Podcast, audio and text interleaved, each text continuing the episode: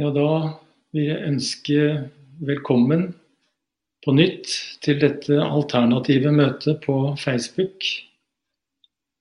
Jeg håper dere er friske alle sammen, og ved godt mot.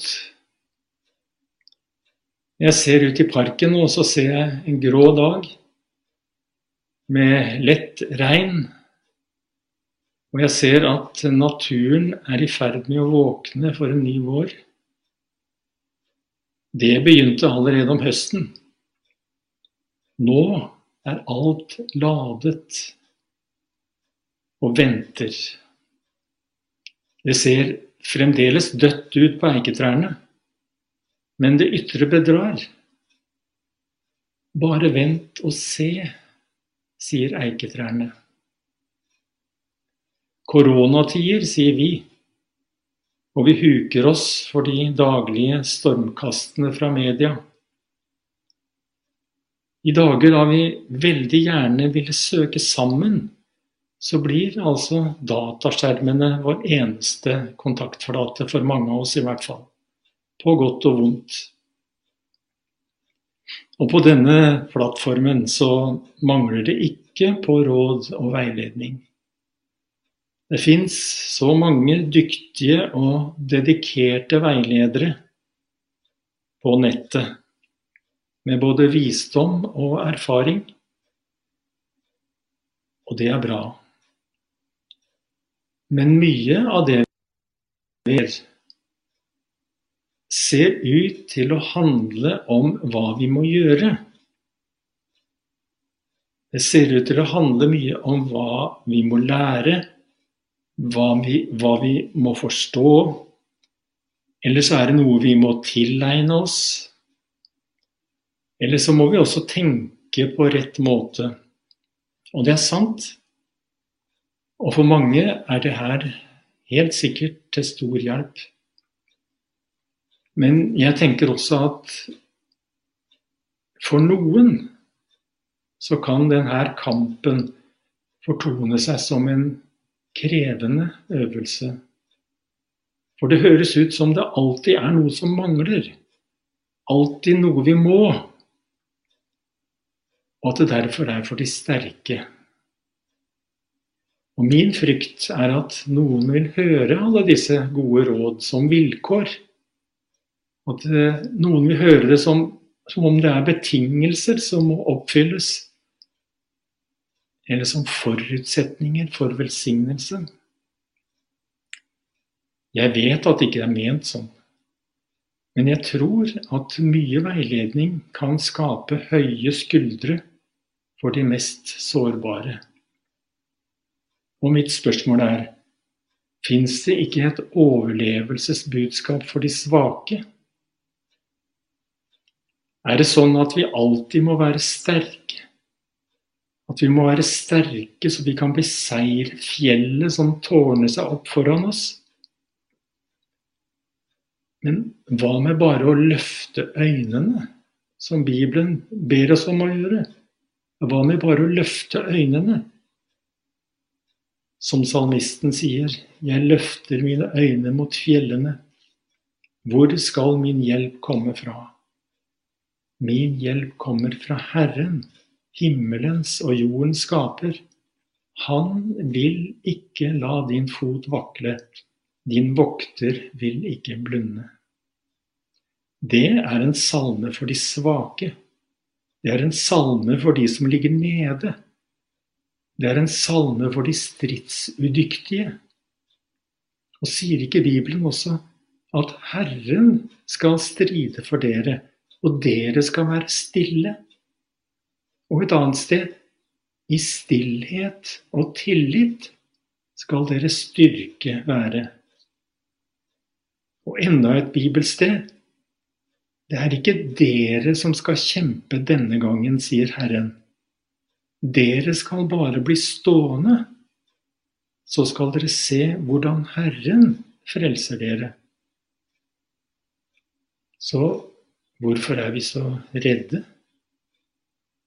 Ingen og ingenting kan jo ta ifra oss seierskransen.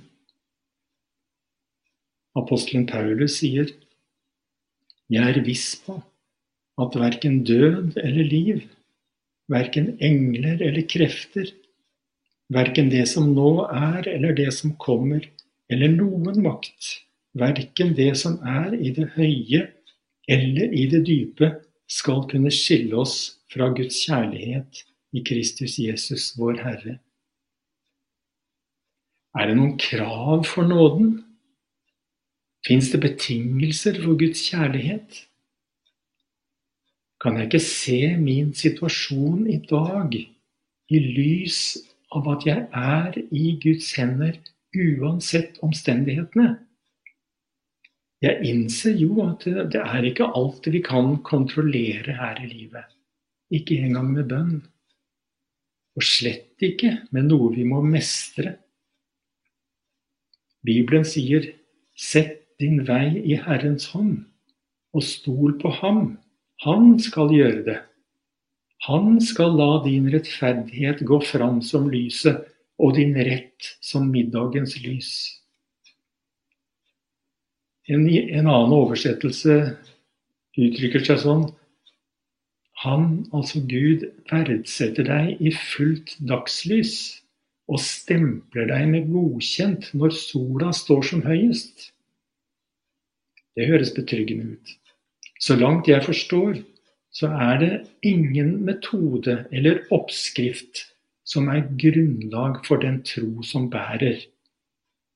I Matteus 11 sier Jesus litt omskrevet Kom til meg, alle dere som strever og bærer tunge byrder.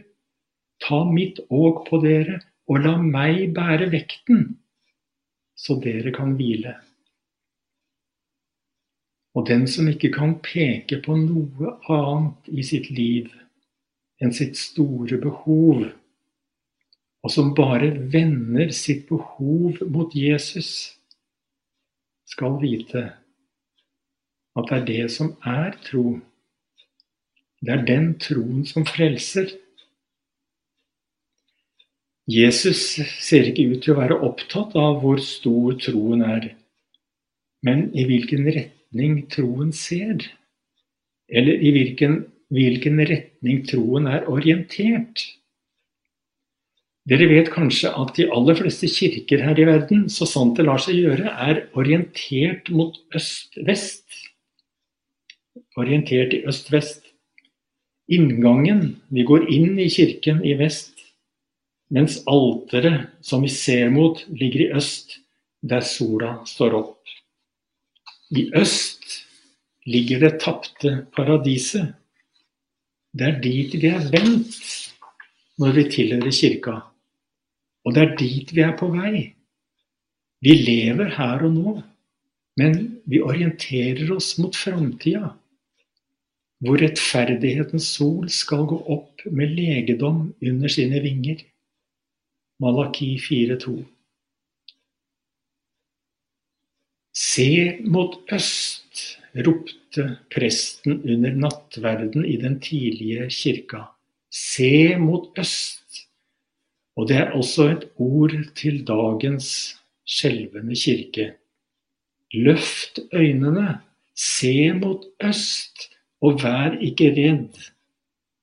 I dåpen til Kristus lever vi allerede på den andre siden av oppstandelsen. Vi har allerede rørt ved den kommende verden. Og kanskje er den tida vi lever i nå, en tid for å øve oss i å hvile og kjenne på hvordan det er å la Han bære vekten. Og kirkas gave til denne verden i dag er et levende håp. Og nå ser jeg krokusen blomstre bak kroa. Det fins håp, sier krokusen.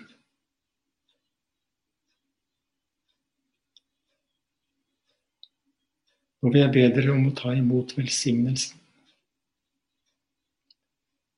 Herren velsigne deg og bevare deg.